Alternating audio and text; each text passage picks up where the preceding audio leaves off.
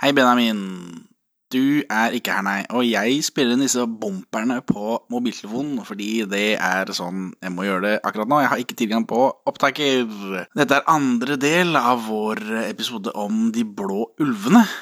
En film vi begge kan anbefale, men det er vel egentlig bare så vidt. Den eh, Vi finner ikke nok feil i den til å ikke anbefale. Så ta det som det er. Dette blir en god og lang Arne Skouen-sommer, selv om ingen har bedt om det. Vi hopper bare rett inn, vi. Hei hå. Sitter dere her og ser på ballet? Er ikke det litt perleforsvinne? Hæ? Kom inn her så vi kan få snakka. Det er så mye folk der ute. Og så kommer du dissende med en geléklump til middag. Drammen og baklengs inn i fuglekassen. Dette her er jo perleforsvinn!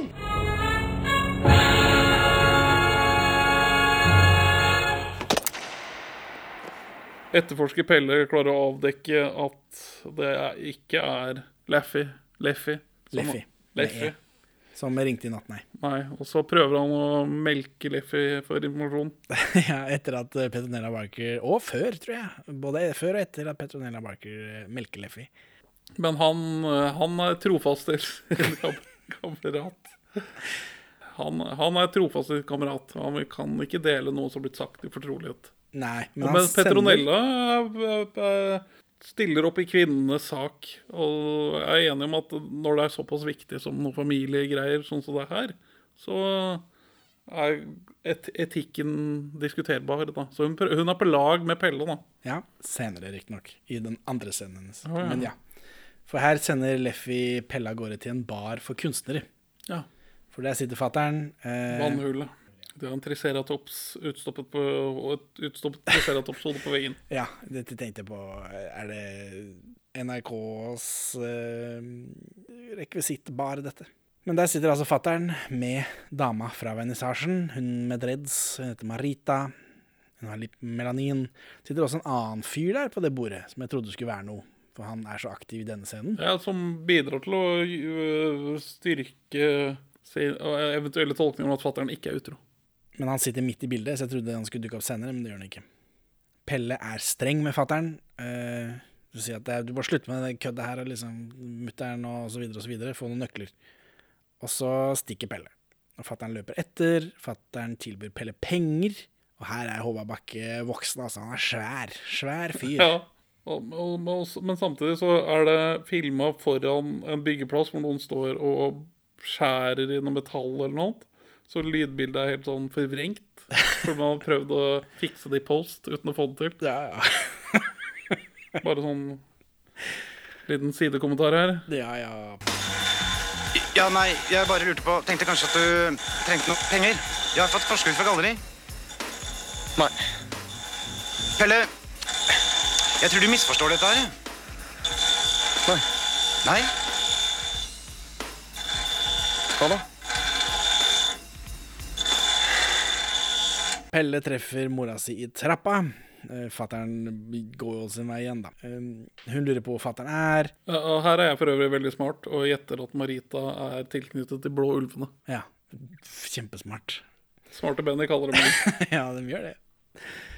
Men Pelle dekker over eh, for fatter'n uten å direkte lyve. Han er ikke så veldig god til det. Nei, men det funker, da. Altså. Det får holde. Pelle og Proffen drar til mora til Proffen, som fortsatt ikke har navn. En rød Volvo er alt hun vet om dette krasjet. Med sånn, eh, med sånn sportsriller på vinduet bak, kunne hun spesifisert. Hadde hun sett det, hadde hun ikke vært opptatt med å bli påkjørt. Uh, Pelle og Proffen spiser konfekt, og Proffen mater nesten Pelle med en bit, og så trekker han det da av humor, selvfølgelig. Men, eh, men det kommer så naturlig. Det virker som om Proffen har mata Pelle på en sånn sexy måte før. På en sånn erotisk måte. Tenkte jeg det hadde vært en god hook til film nummer tre. Første film er Pelle som oppdager sex og kjærlighet med Lena, liksom. Og andre film så er det Proffen som gjør det samme med Gerd, mens Pelle og Lena sliter. Og i tredje film så er det Pelle og Proffen som oppdager sex og kjærlighet med hverandre. Ja. Dette, dette, pod, eh, dette går i det podcast-forslag til reboot. ja, Men akk, det blir vel bare min fantasi og fanfiction-roman på 400 sider som jeg skrev i går kveld. Veldig bra. Ingvar Ambjørnsen, ring meg, jeg har forslag. Ingvar Ambjørnsen har blitt gamlis, da. Tror du han er sånn anti-woke? sånn Trump-fyr blitt. Drikkferdige, hasjrøykende opponenten Ingvar Ambjørsen? Nei, han burde vel, han burde vel være på wokenes side. Jeg vet ikke Ja, altså Hvem av oss har vel ikke gått bort fra våre prinsipper på et eller annet tidspunkt? Forandret prinsipper. Men det Ingvar Ambjørsen altså dukker opp i alle disse intervjuene, og han er veldig pro alt dette. Alle Ja. filmer og sånt, og de kan leve sitt eget liv. Jeg skal ikke blande meg i det, bare kjøre på. Jeg er med og promoterer. Det- Yay! Får jo noe penn for det òg, da. Ja, ja, ja, men, Men eh, det er- men det betyr jo ikke at man må like det. Det er ikke, altså Han eh, svarer ikke på noen av disse filmene med å lage sin egen Døden på sånn som Stephen King gjør med Å ja, sånn, ja. Nei, Død på Oslo sier han at den er liksom, det er boka hans, det. Og så skiller det seg disse andre, da. At de ligner ikke De ligner mindre og mindre. Men, men han syns det er helt greit. Ja, men det, det er eh, beundringsverdig. Pelaproffen Proffen drar til pelsbutikken da, for å undersøke, se om de finner ut noe. Eh, der eh, møter de eieren, Inger Teien, som tror at de var en del av gjengen som tagga ned butikken hennes. Hun løper innføring i politiet, så da stikker Pell og Proffen rundt på baksida hvor det var krasj, da, og der er det altså en mosa gullfisk. Trist. Veldig. og Det, no animals were hurt in the making of this picture. Tja.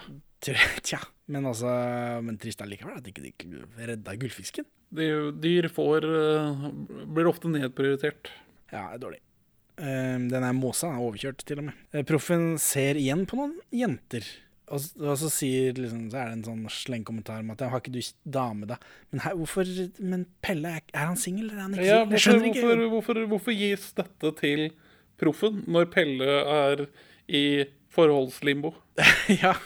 Eh, men også Jeg vet ikke om det var denne gangen eller om det var forrige gangen. Men det er ikke bare at han ser på dem, denne proffen. Han catcaller dem også en gang. ja, det har jeg ikke fått med meg. Han, han, han gjør en sånn mm, lyd rett i trynet på dem idet de passerer på samme fortau. Ja, ja, Det er ikke vært- høflig, proffen. Skjerpings. Det må ha vært her, da. Men han plystrer ikke på dem. Nei, nei, men han, han gjør en sånn mm, Det er det jeg likte å spise opp-lyd. Altså, han sier ikke det, men han gjør sånn mm, det, det gjør man faktisk ikke. Den lyden tre ganger til, og double it. Mm, mm, mm. Det er lov å se.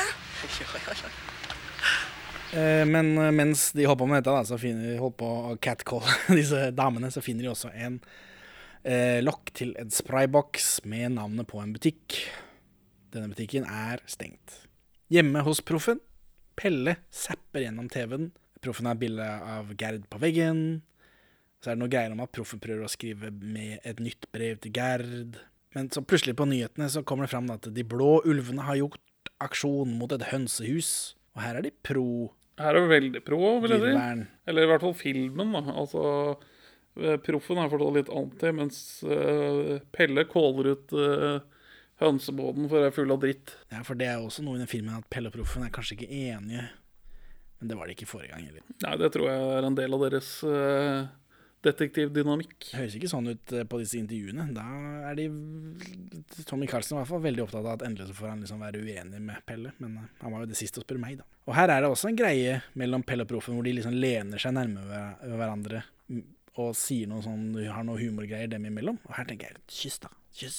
Kom igjen. Kom, Kom igjen. igjen, Vær litt, vær litt progressive. Filmen er pyser, så det gjør det ikke. Så er Pelle hjemme, mutter'n og fatter'n krangler igjen. Søstera til Pelle vil være sammen med Pelle på rommet hans, siden foreldrene krangler.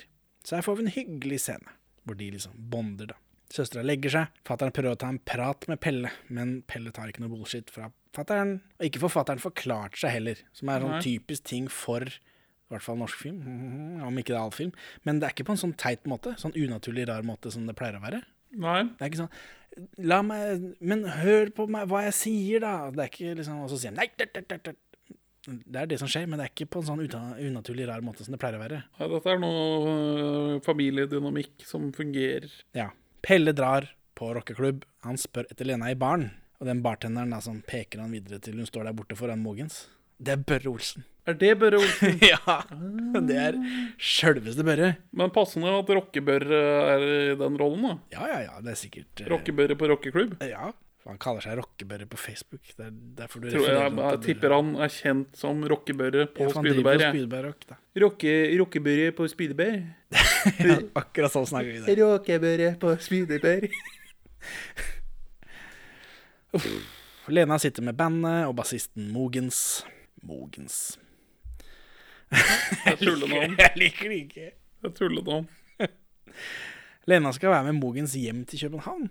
For her liksom er ikke Bell og Lena sammen. Det har vi diskutert, men ja. Hvorfor eh, Det er så rar Altså, de gjør det slutt i den forrige, men Og så blir de sammen igjen også. Men de har gjort det slutt imellom, blir de det? det? Ja. I våre hjerter, kanskje? Ja, men eh, Lena er jo så glad for at han lever. Ja, men det betyr ikke at hun samtykker til at det gjør opp for, for hans De sier ikke når de, de slår opp, men whatever. Dere av våre lyttere som ble inspirert til å se denne trilogien nå, kan gjerne rapportere om du føler at Lena og Pelle blir sammen igjen selv om de skværer opp. Det. For det er jo en sånn typisk greie i et brudd, er at man har et sånn hardt brudd, og så prater man noe etterpå, og så går man fra hverandre på litt mer vennlige termer etter hvert, uten at man nødvendigvis blir sammen igjen. Eh, men igjen, da. Lena er veldig mye lykkeligere og mer fornøyd. Hyggeligere å se eh, Helle Figenschou her. Langt unna Harald Eias eh, Lena. Ja, det er veldig lite Lena i den filmen. Det er det. Hun er jo også en ettertanke, men det lille vi får se, da. Pelle vil prate med Lena, men Lene sier han kan komme inn i morgen fordi hun skal se på bandet. Hva er dette? Man har jo alltid tid til en prat, liksom. Ja. Selv om du skal se på bassist, fingre bassistkjæresten din. Ja. Pelle drar hjem, da. Eh, Mutter'n sitter og griner i sofaen. Fatter'n er sticky. Pelle lurer på om de skal skilles. Mutter'n vil ikke at han skal drive og spørre om de skal skilles hver jævla gang de krangler. Og Her høres det ut som Pelle vil at de skal skilles, sånn til å begynne med. Og så eh, etterpå så tror jeg ikke det er det han mener. Men her var det et eller annet Der skjedde noe rart i skuespillet til Håvard Bakke, eventuelt regien til Morten Kolstad. Det hadde vært veldig progressivt da, om han var pro skilsmisse av disse døgeniktforeldrene sine. ja. Pelle lurer på om fattern har en annen dame. Pelle forteller om da han traff fattern på puben, da, så han liksom kom clean til mora. Og da begynner hun å grine. De har begge hatt perioder hvor de er begeistret for andre, sier hun. Men her tror jeg bare de, at hun mener at de liksom har kikka på folk eller noe sånt. Jeg tror ikke at de har drevet og pøka rundt, som er ja, det jeg håper de mener. ja. Jeg er enig i tolkningen. Ja. Uh, Mutter'n griner så fælt at uh, søstera våkner og kommer ut, og Pelle må skape god stemning når hun spør etter faren. Forteller en løgn om at eh, far er på Safari. Dagen etter, eh, proffen ringer på hos Pelle. Pelle er halvnaken, proffen vil spane, Pelle vil deppe. Proffen nå er, to, er typ to meter høy nå. Og, så- og så tenker jeg, Var han aldri rødhåra? Han var blond i, han, i den første filmen. For han har vært blond i de to andre. Jeg tror, det, jeg tror han bare har vært blond hele veien. Ja. Mitt, mitt øyne har sett han som rødhåra. Fordi han ligner så fælt på Kari Byron i Mythbusters, ja. tror jeg. Han har aldri vært rødhåra, han. Nei. Har, har du sett har, I ditt indre øye Jeg tolker ikke han som rødhåra i det hele tatt. Ikke, pe- ikke i Døden på Oslo heller? Nei, kanskje noen, eh, noen lys, men ikke som, ikke som at han er en rødhåret. Nei, for det har jeg tenkt, men det, han er ikke det. Så så dum er jeg. Skal dere skilles, eller? Ikke snakk om skilsmisse hver gang vi krangler, Pelle. Vær så snill. Hvorfor ikke? Altså, Halvparten av folk i klassen min er skilte foreldre. Statistikken er helt pervers. Annenhver ungdomsbok jeg leser, handler om at mor og far ikke fikser å leve sammen. Så flytter far. Pelle misliker stefar gjennom hele boka. Og drar med fisker i siste kapittel. Det er bare så forbanna Det er så, det er så for... forbanna Banalt, ja. Mm. Har du helt rett i. Proffen drar til lakkbutikken. Der treffer han innehaveren, som er nok ikke- en Sweetwater-kjenning. Er det Roy Indiana? Det er det. Det er det, ja. Det er det. Han jobber visst der.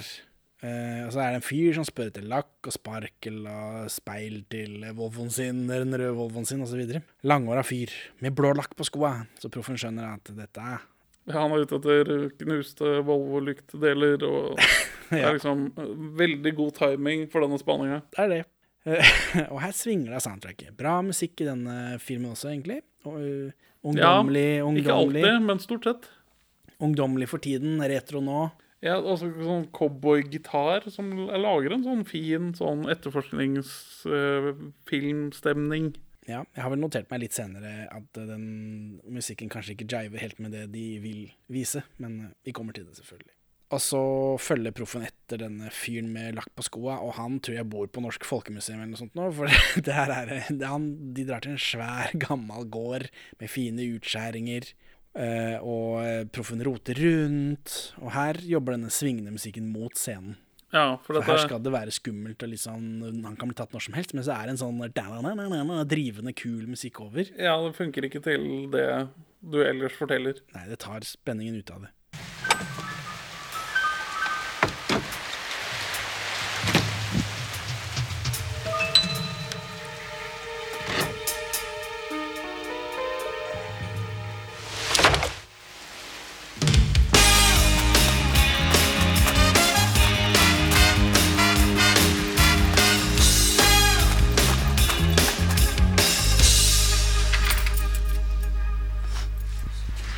Roter rundt, finner ikke ut av noe, eller det vil si han finner, ser denne bilen, da. Men han kommer ikke inn. Han får ikke bekrefta at det er den bilen. Nei, selv om det er det der. Så foreldra til proffen kommer hjem. Eh, proffen også, for hun har jo vært på sjukehuset er mora hans. Og så treffer han Pelle i trappa. Og proffen vil inn i denne garasjen, men Pelle er mest opptatt av faren sin. Det har regnet, og Pelle drar til atelieret eh, og treffer Leffy da. Og Petronella Barker tilbyr han håndkleet sitt, siden han er våt i håret. fordi det seg, hun har håndkle rundt seg. Oh yeah. Hun flørter med et barn, da. ja. Hvem har vel ikke gjort det? Klipp det ut. Nei da. Uh, keep it in and double it. Petronella engasjerer seg for saken nå. Her, her skjer dette. Og hun og Pelle rotter seg sammen mot Leffy, som prøver å tviholde på kameratens hemmelighet. da, Altså på hemmelighetene til fattern. Leffy har noe greie på de blå ulvene. Fattern har malt et bilde med det navnet. Ja. Så Pelle drar til galleriet for å se på bildet. Fattern har gitt bort bildet. Det henger på veggen, da, riktignok, men det er, eierskapet er det noen som har fått. Og Pelle får navnet og telefonnummeret av gallerieieren. Det er noen som heter Debbie. Debbie Cameron. Det viser seg at eh, Debbie Cameron er et ekte syngemenneske. Dette er et ekte person. Hun spiller seg selv. Ja. så det syns jeg var rart. Så, så fattern har fått barn med noen i den virkelige verden. Hei, hei, ikke spoile. altså, Debbie Cameron eh, Hun er det, den beste type kjendis. Hun er eh, kjendis fra utlandet som kommer til et lite sted og blir kjendis. Ja. Hun er amerikaner, da, som er kjendis i, i Danmark. Pelle prøver å ringe dette telefonnummeret, selvfølgelig, men eh, det er no dice. Ingen som tar den. Pelle går trist inn i leiligheten, og der blir han angrepet av sinte Ingar Helge Gimle. Unge, sinte Ingar Helge Gimle. Jeg, ble forvirra. Er Inger Helge Gimle en del av de blå ulvene? Han virker litt gammel til den rollen. Ja, eller hva er dette, tenkte jeg. Men det viser at han er politiet. Uh, Mutter'n står og griner med søstera. Ingar Helgar Gimlar er politier. Ja. og de er der av fattern. Han har rota seg borti noe. I- Ingar Helgar Gimlar har hår på hodet nå, i denne, og så helt ned på ryggen da, og rundt halsen. Og egentlig stikker hår ut av alle åpningene i klærne hans. Ja. De finner noen uh, dyrevernspamfletter da, som de utspør familien om, eh, men de vet jo ikke noe. Mutter'n og Pelle Og disse er ikke i omsetning i Norge, så vi vet at det er noe muffens med at dere har akkurat disse. Jeg vet ikke helt det var, i hvilken grad norsk politi har oversikt over hvilke dyrevernere som eh, befinner seg i Norge til enhver tid. Nei. Hvilke terrorister som befinner seg i Norge til enhver tid, eh, spør disse politifolka på Lillehammer. Ref. Lillehammer-drapet. Ja, skjønner. skjønner. Og den fete, den der eh, hun palestineren som bor i Oslo. PLO-palestiner. Ja, Flikapre-palestineren. Jeg husker ikke hva heter i farta, jeg. Nei, ikke heller, men hun dukker jo opp her og der. Eh, politiet vil heller ikke fortelle hva fattern har gjort, så stikker de bare. A-cab. Ja. Dette er også siste gang vi ser de. Jeg trodde dette skulle også være noe, men det er det ikke. Rotete. Mangler litt på detektivdelen av disse filmene. Er vel en vært konsekvent. Ja, men sist gang så gjorde det ikke noe, fordi vi var så opptatt av alt det andre. Ja. Vi syns egentlig dette greiene var i veien. Ja. Men her, her er stemninga litt annen. Så er det natta. Proffen sniker seg inn på denne gården igjen. Han tar seg inn i garasjen da, hvor bilen står. Den er krasja, så da vet han det vi vet. Det tok egentlig litt for lang tid. Her er det Night for Night, siden vi påpekte Night for Day sist. Day for night. Night for day pleier man ikke å bruke så ofte. Nei, det er sant. Eh, proffen glaner inn gjennom vinduet i denne gården. da. Det er mørkt og skummelt. Og Pelle ringer opplysningen angående telefonnummeret til Debbie. Men på nyhetene så dukker fattern opp, som en del av de blå ulvene. Og så får vi en, eh, en payoff på at uh, der er pappa på safari. Eh, Vi får altså en payoff på disse asiatiske turistene fra forrige film. For Ja. Eneste grunnen til at denne aksjonen er filma, er fordi det tilfeldigvis var en asiatisk turist på utsiden. For dette er jo igjen før mobiltelefonen, så alt blir ikke filma 100 hele Nei, det var jo sjelden, faktisk. ja, så derfor er dette Så derfor føler filmen at den må forklare hvorfor vi har filma dette. Og det er da denne asiatiske turisten. Eh, De blå ulvene går til eh, aksjon på en sånn pelssjappe. Eh, og så rømmer de, og så er det noe kaos, det er noe draing, folk detter. N noen brekker armen. Og fattern er der. Og fattern er der uten maske eller noe som helst, i motsetning til de andre blå ulvene som har maske på. Det er veldig rart å bli så radikal når du akkurat har slått gjennom i det gode selskap. Ja, det er det. Hva er det som skjer? Hva er det som skjer? Fattern ble iallfall nå etterlyst på nyhetene, siden de har trynet hans, liksom. Ops. På denne gården så knuser proffen bare en rute, og så bryter han seg inn. Og der finner han de samme pamflettene som hos Pelle. Og så bang! Så blir proffen busta av Pelle.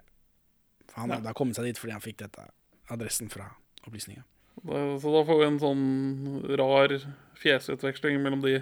Det er det er en meme her. Ja, du får sendt det meg, skal jeg se på det.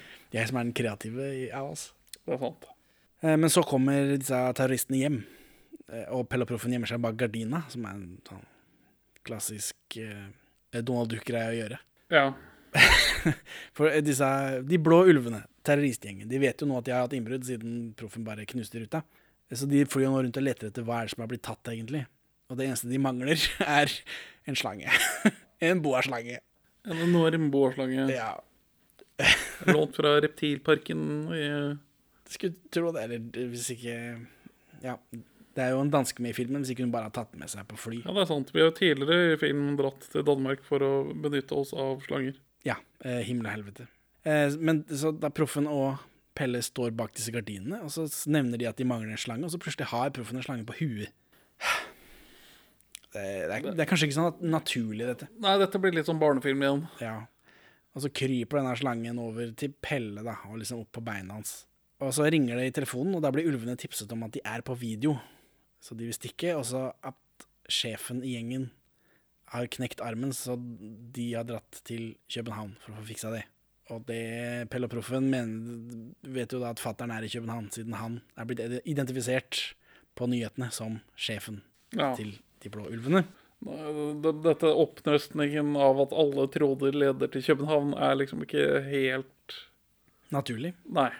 Nei. Men uh, de får også vite på telefonen, disse blå ulvene, at politiet er tipset. Og da beiner Pelle og Proffen ut, akkurat idet politiet kommer, eh, og det er masse forvirring, og alle beiner i hver sin retning. Så nå må de dra til København. De kjenner jo allerede Mogens, eller Lena. Vi har kontakter i København. Ja, fordi hun skal jo dit, eller hun er jo der allerede. Som hele Proffen-serien hadde fortsatt lenger og lenger, så hadde det bare blitt lenger og lenger sør for Oslo. Dekkhistorien er eh, Dekkhistorien deres til sine foreldre, til mutter'n og mor og far Proffen, er at de skal på overnatting i skogen. Så er det en lang scene med en liste over ting de må ha med seg, som jeg ikke er helt sikker på hvorfor. Nei. Så tar gutta eh, Day for Night-båten til Danmark. Det er Day for Night når de går inn i båten, da, så er det Night for Night ellers, eh, riktignok. Så det er ikke bare. Og på lugaren så er det mer toppløs Pelle.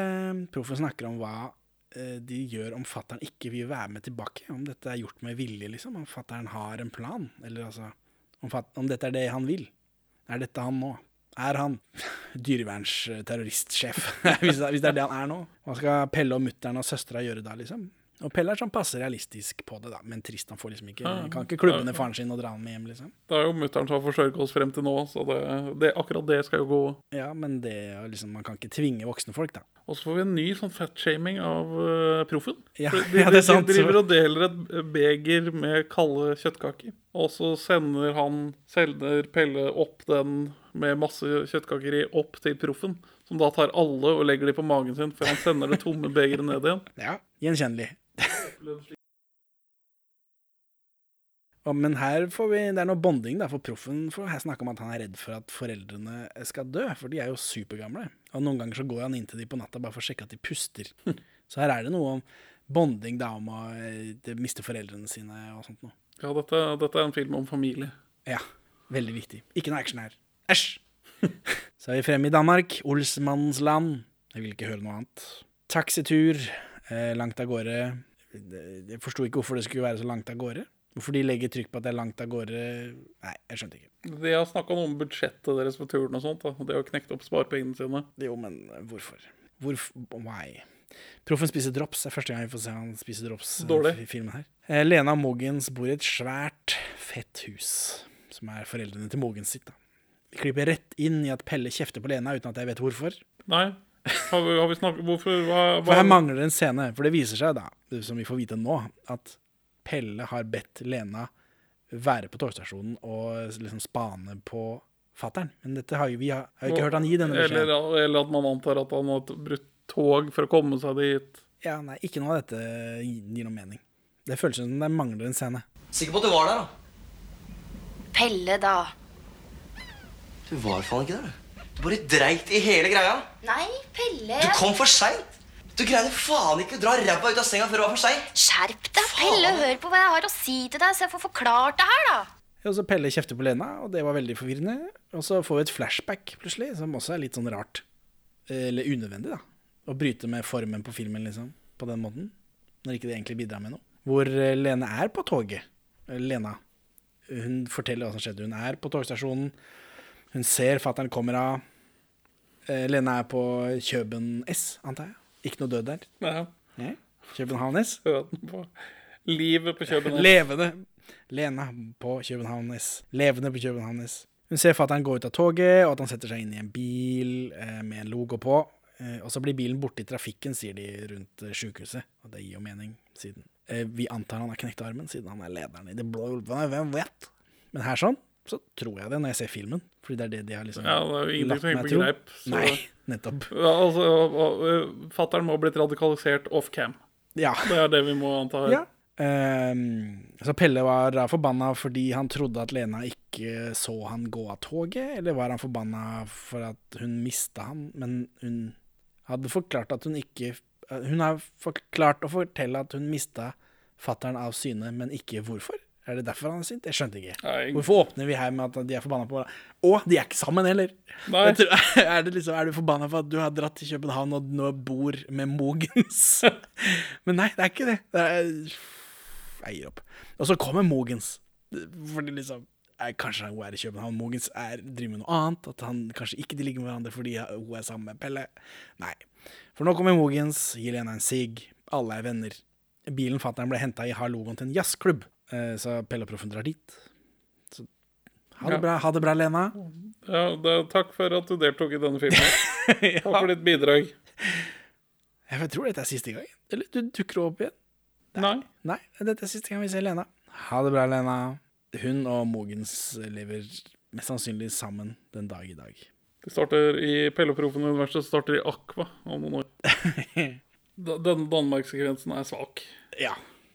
Er Om ikke det andre var svakt også. Nei, men det, nå- det, nå er det liksom bare helt degenerert Det at vi, vi følger ikke Vi driver ikke med noe detektivarbeid. Vi bare følger adresser og navn sånn tilfeldig uten grunn. Ja, men Det er detektivarbeidet, på en måte. Men så er det også frem og tilbake til samme adressen, som er litt sånn, ja ja. Ja, også... For nå kommer de til denne klubben. Den er stengt. Eieren bor i annen etasje, selvfølgelig. Uh, han virker ikke å ha hørt om fattern eller De blå ulvene. Og så eh, står Pelle Proffen og spiser røde pølser, som sånn baguett, som er veldig viktig for oss i vår barndom, som vi har diskutert i en eller annen Olsenbanden-episode. Og da fikk jeg veldig lyst på noe.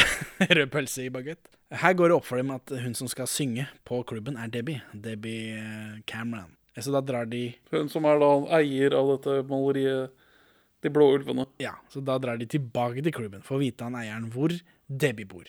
Drar så til adressa til Debbie. Kommer ikke inn, står der, venter hele natta. Et eller annet besøk til en sexshop. Eh, Ja, jeg Som stemmer. Først, først så bommer han på Først så bommer proffen på disse dumme danske tallene. Han tror uh, fem og halvfems er 55, men det er jo 95. Dette har vi vært gjennom i Dette, hele dette kan du, dette kan ikke jeg. Ja, men jeg har jo lært av det i den norske Danmark-serien. Men nå Det er den- logikk bak det. Denne sexshopen føles som den samme sexshopen som er med i en av de danske Olsenmann-filmene. Det danske tellesystemet er et 20-tallssystem. Ja, ja, jeg vet. Vi, jeg orker ikke Jeg orker ikke nå. Nei, nei. Så du må gange med 20, da. Altså, når det er halvfem, så må du trekke fra den ene halve. Da må du halvere den ene tyveren, så du får da 10. Så halvfems, fem ganger 20 er 100. Men det er halvparten av den siste, så det blir 90. Du må trekke fra 10. Det orker ikke. Nei, men det er iallfall sånn ikke. det er. Eh, Først så går det en sexshop. um, En en, som er en throwaway joke som ikke gagner noen. Nei, ja. Dette er bare stillstand i Grunnen til at det tok så lang tid der inne, er fordi det var kø. Ok, nei, du, du, du var inne i en sånn derre hvor man putter på en tier, og så får man se en dame bak et glass danse litt mens du står og runker. Er det det vitsen er? Nei, jeg tror vitsen bare er at det er mye sexgreier, og det er spennende. Så det har man godt og sett på.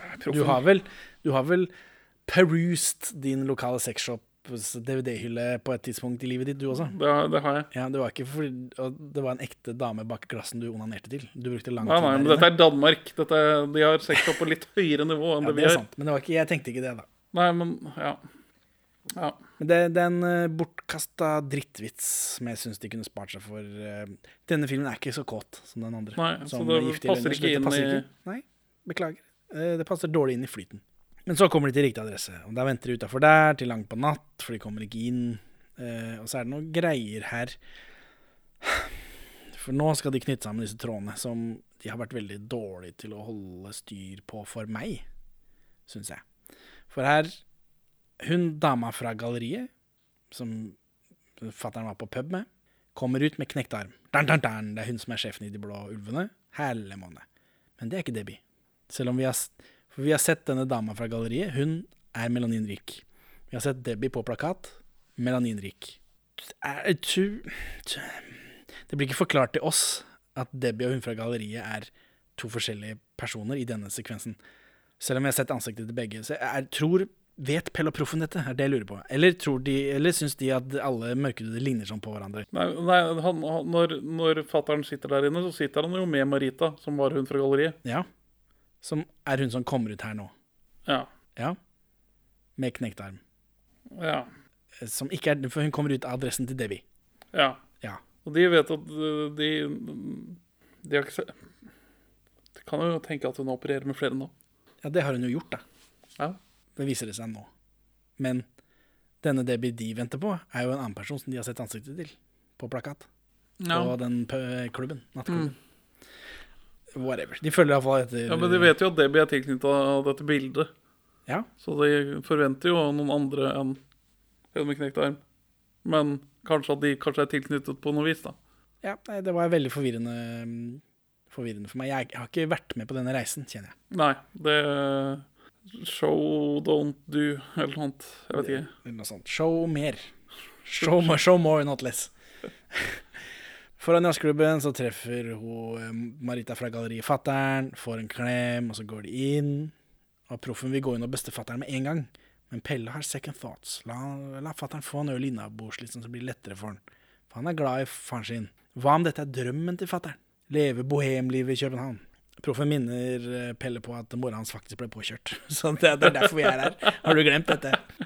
Ja, ja, Pelle er jo generelt sett litt ufølsom overfor proffen. Ja, for han proffen er bare minst to an end. Minst to an end. Eh, så da går Pelle og proffen inn, da, for så vidt. Eh, fattern og Marita skåler. Og, Pelle, og fattern ser Pelle og blir tydelig satt ut. Og Pelle er forbanna. Fattern er klein. Pelle- Dama prøver stadig å bryte inn i kjeftinga til Pelle. Ikke, ikke lurt. Pelle er forbanna. Altså. Pelle er forbanna. Ro deg ned litt, Pelle. Dette her er ikke så enkelt. Visst faen er det enkelt! Streik deg opp, dra hjem og kutt ut den fitta der! Twist! Det viser seg at hun fra galleriet, Marita, er halvsøstera til Pelle.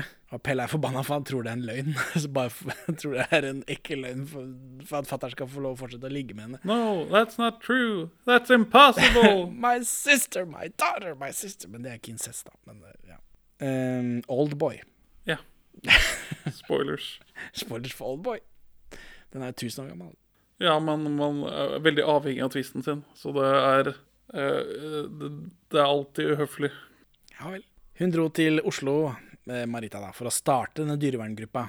Og gruppa er oppkalt etter bildet som han malte. Det henger på grep. Nei. Nat. det gjør det ikke. Eh, Og fattern prøvde å stoppe den aksjonen som ble filma av turisten. Så var det som skjedde der. Han, han, han kommer litt seint på banen, prøver å oppdra barnet sitt til å holde seg innenfor loven mens man protesterer. Ja, for det er sånn protest fungerer. Eh, Og så dro han til Danmark for å passe på at snuten ikke skulle eh, ta Marita, eller noe sånt, mens hun var på sjukehuset, eller hva greia var der. Er- han. Og han har en advokatvenn i Oslo som tar seg av alt det der eh, greiene med at han er mistenkt som leder i en terroristgruppe. Han kunne sagt dette til mutter'n, syns jeg. Når de allikevel Ja, hyler og skriker de, på hverandre. de virker til å ha et sånt uh, ellers tett for, uh, samarbeid som par. Så dette syns jeg var Men samtidig er det litt uklart når hvorvidt han var sammen med Elisabeth Britt Elisabeth Hågesli. Ikke nå. Altså, det sies jo her at eh, det skjedde etterpå. Altså at eh, det, Denne Debbie som hun synger på nattklubben, det har hun gjort gjennom hele denne scenen. Det er hun som er mora. Og så sier, kommer det frem her at uh, fattern feide over henne i København, og så dro han til Oslo og ble sammen med mutter'n. Ja. Det er historien. Men allikevel, når de krangler om eggspising, hva har du å tape da på å fortelle hva som skjer? Ja, men samtidig er du, å, å si til din partner at 'oi, forresten, jeg har et annet barn', det er, det er litt kleint, altså. Ja, men det er også kleint å hylle og skrike og, og de, dra etter folk, terrorister på aksjoner og komme på nyhetene og alt dette. Hva er planen din, fatter'n? Ja, må tenke, mann. Må tenke. Jeg trenger ikke å tenke så mye heller, men det er bare på et eller annet tidspunkt så må du komme clean, da. Så er det brått klipp til båten hjem. Fatter'n lurer på om Pelle trodde at han skulle stikke av, eller om uh, fatter'n svikta dem. Noe han mener han aldri har gjort, og håper han aldri kommer til å gjøre. Det er sånn Han sier ikke at han aldri kommer til å gjøre, det, bare håper at ikke har kommer til å gjøre det. Man kan jo man kan ikke love noe for fremtiden. Jo, det er dette med prinsipper og sånt. Da. Hvis du føler at du har prinsippet ditt er at jeg skal aldri svikte min familie, det må være Såpass må man få lov å lyve på seg. Så ærlig trenger man ikke å være. At ja, det kan jo hende jeg kommer til å svikte dere, da, hvis det, hvis det riktige tilbudet dukker opp, liksom. Hold kjeft, sa jeg! Pelle driver og pusher fatter'n om at du må bare komme clean med mutter'n. Ja. Må bare Han si lurer det. på hva han skal si, liksom. Men jeg syns ikke Britt Elisabeth Haagensli har virka som noen sånn rivjern heller. Det er jo sånn 68-ere Hun har jo vært De er jo ganske De er ganske likebyrdige og hippe. Whatever. Det er iallfall hjemme. Eh, I trappa inn til leiligheten så er fatter'n redd. Han sier Han sier 'Jeg fikser det ikke, Pelle'. Jeg fikser ikke dette her, jeg, Pelle. Men nå er det forsoningsmusikk, da. Så da For han går inn til mutter'n, ikke sant. Så da går det vel bra. Og så lukker døra seg for kamera, så vi slipper å se de uh, bli venner igjen. Proffen gir Pelle drops til trappa. Proffen vifter med noen kjærlighetsbrev, da, så Gerd er fortsatt i bildet. Skal minne oss på at Gerd fortsatt venter der ute. Ligger på lur. Har jo tatt båten forbi, de, til Danmark. ja. Send flaskepost. For- for- Forsøpling. det blir hun glad for. Eh, Så kommer søstera til Pelle ut, for fatter'n var så sliten at han og mutter'n måtte gå og legge seg. Og Da ler alle, og så slutter vi på en freeze frame. Ille så liberale man skal være. Du kan ikke bare sende unga ut på trappa når man skal pule. Nei, ikke nå lenger, i hvert fall. Nei, Jeg tror ikke det var riktig før heller. Så står det på skjermen at her tar vi farvel med Pelle og Proffen på film. Prikk, prikk, prikk. Og det er sikkert for at Bør Olsen ikke skal komme etter de igjen. Nei.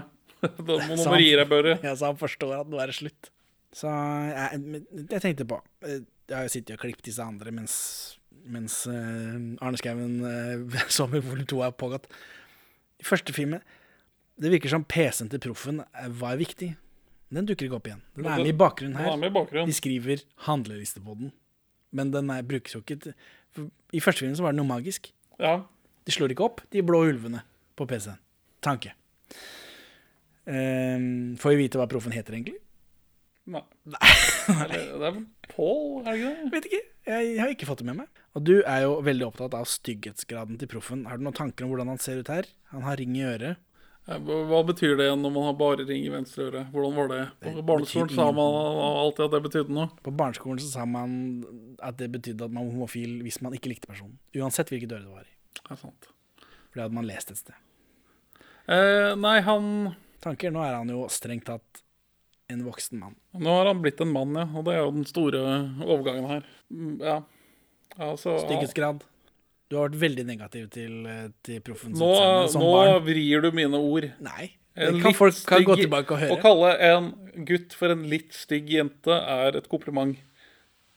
Jeg, altså Ja, får høre, da. Hva Hva syns du om han- han i denne filmen? Han, han ser mer ordentlig ut. Han ser mer, som skikkelig mann. Skikkelig mann. Skal vi ranke disse filmene når vi først har liksom sett de? For det er litt interessant. Denne her kommer på bunnen. Lett. Ja. Ikke noe problem. Um, Men så er det de to andre, da.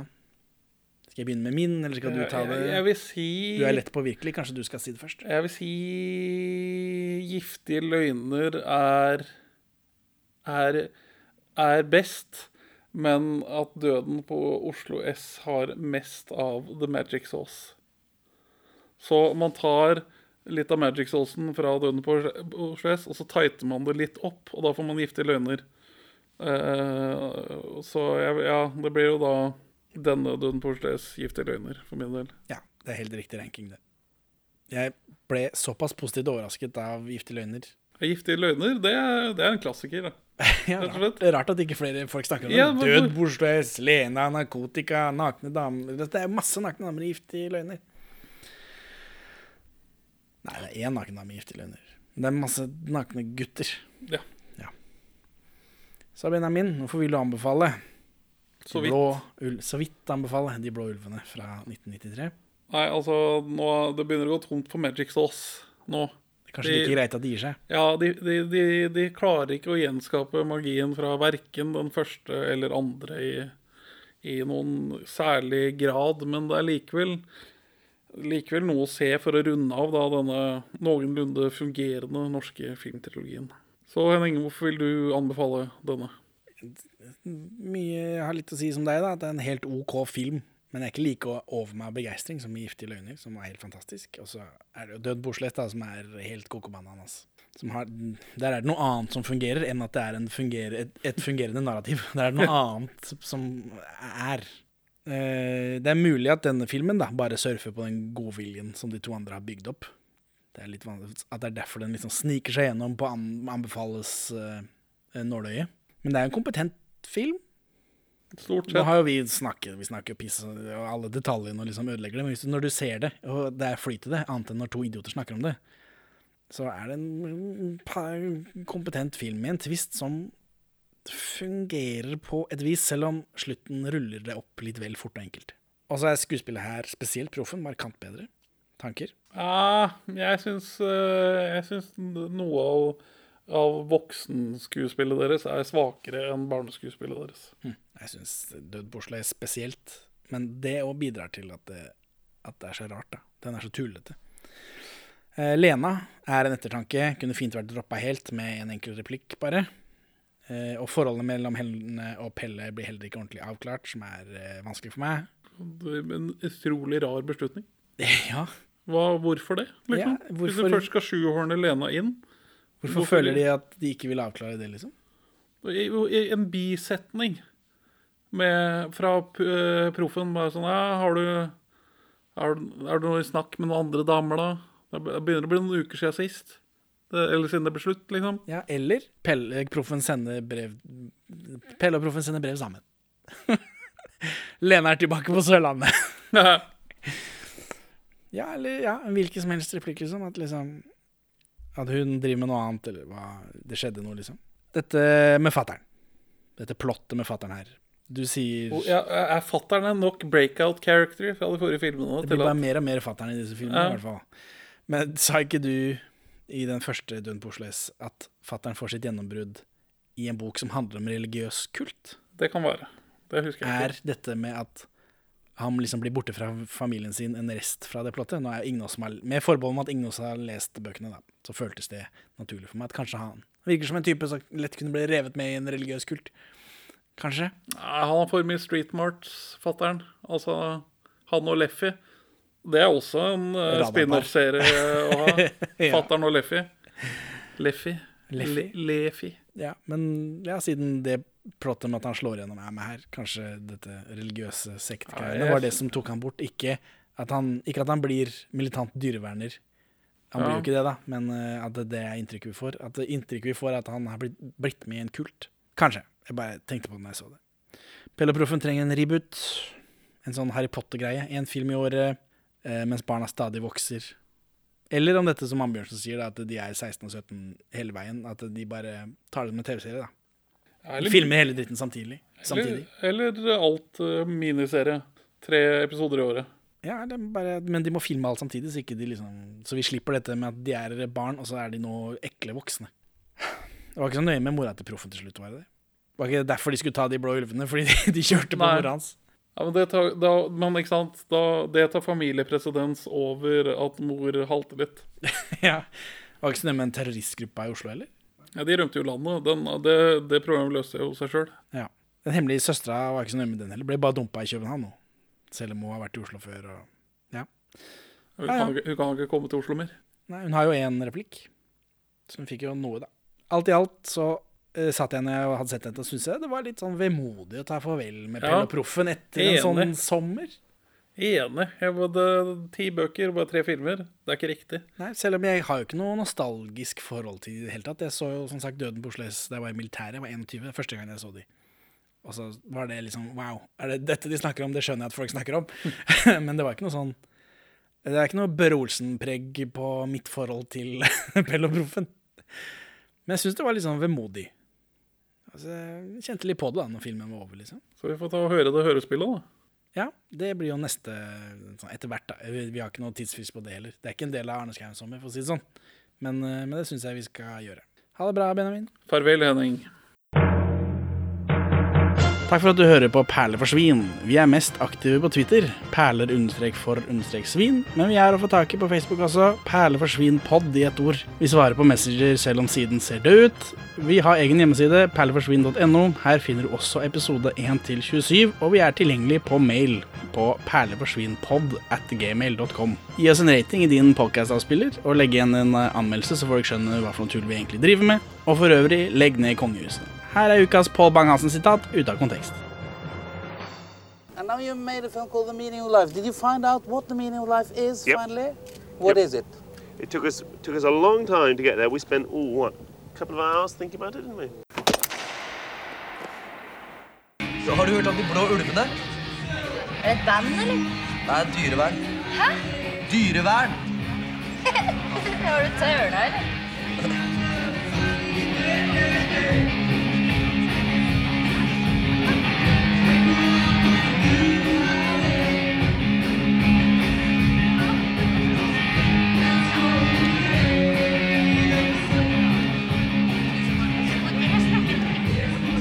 Dødsbra! Tjukke på bass er rå med pekefingeren. Mogens. Hæ? Mogens! Jævlig ålreit fyr.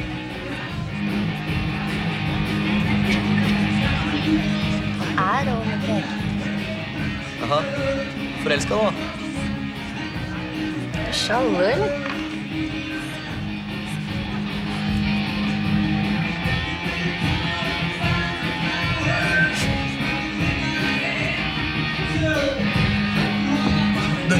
Det har skjedd noe dødsskip. Mora til proffen har krasja.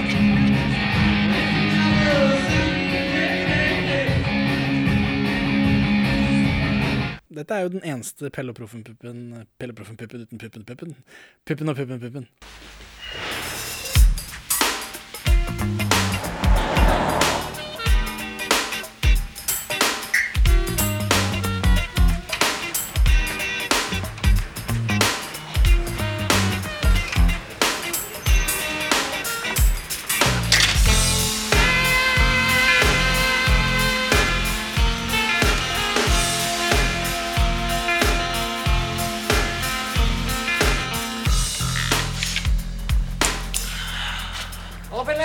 Du bada? Det virker som om uh, titlen, working title til denne filmen var Pelle og Proffen 3. Hvorfor det? Fordi det, den refereres til som det i norske aviser når den, det blir snakk om at den skal produseres. I dette Nei. Jo. Hel, jeg har jo I norske aviser, mens de promoterer giftige løgner, så snakker de om De blå ulvene, at det er neste filmen. Hvis giftige løgner går bra nok. Ja, Det virker som om prosjekttittelen har vært Pelle 3, for det blir den referert til i flere aviser. Det kan være, men den har i hvert fall alltid hett De blå ulvene. Ja, men, men eh, poenget mitt er da at den første filmen heter 'Døden på den andre heter 'Giftige løgner', den tredje heter 'Blå ulvene'. Og så prøver man å Nå som, vi, nå som det blir en trilogi, så er det jo Pelle og Proffen-trilogien. Da er det Pelleproffen 3. Ja, det var smått.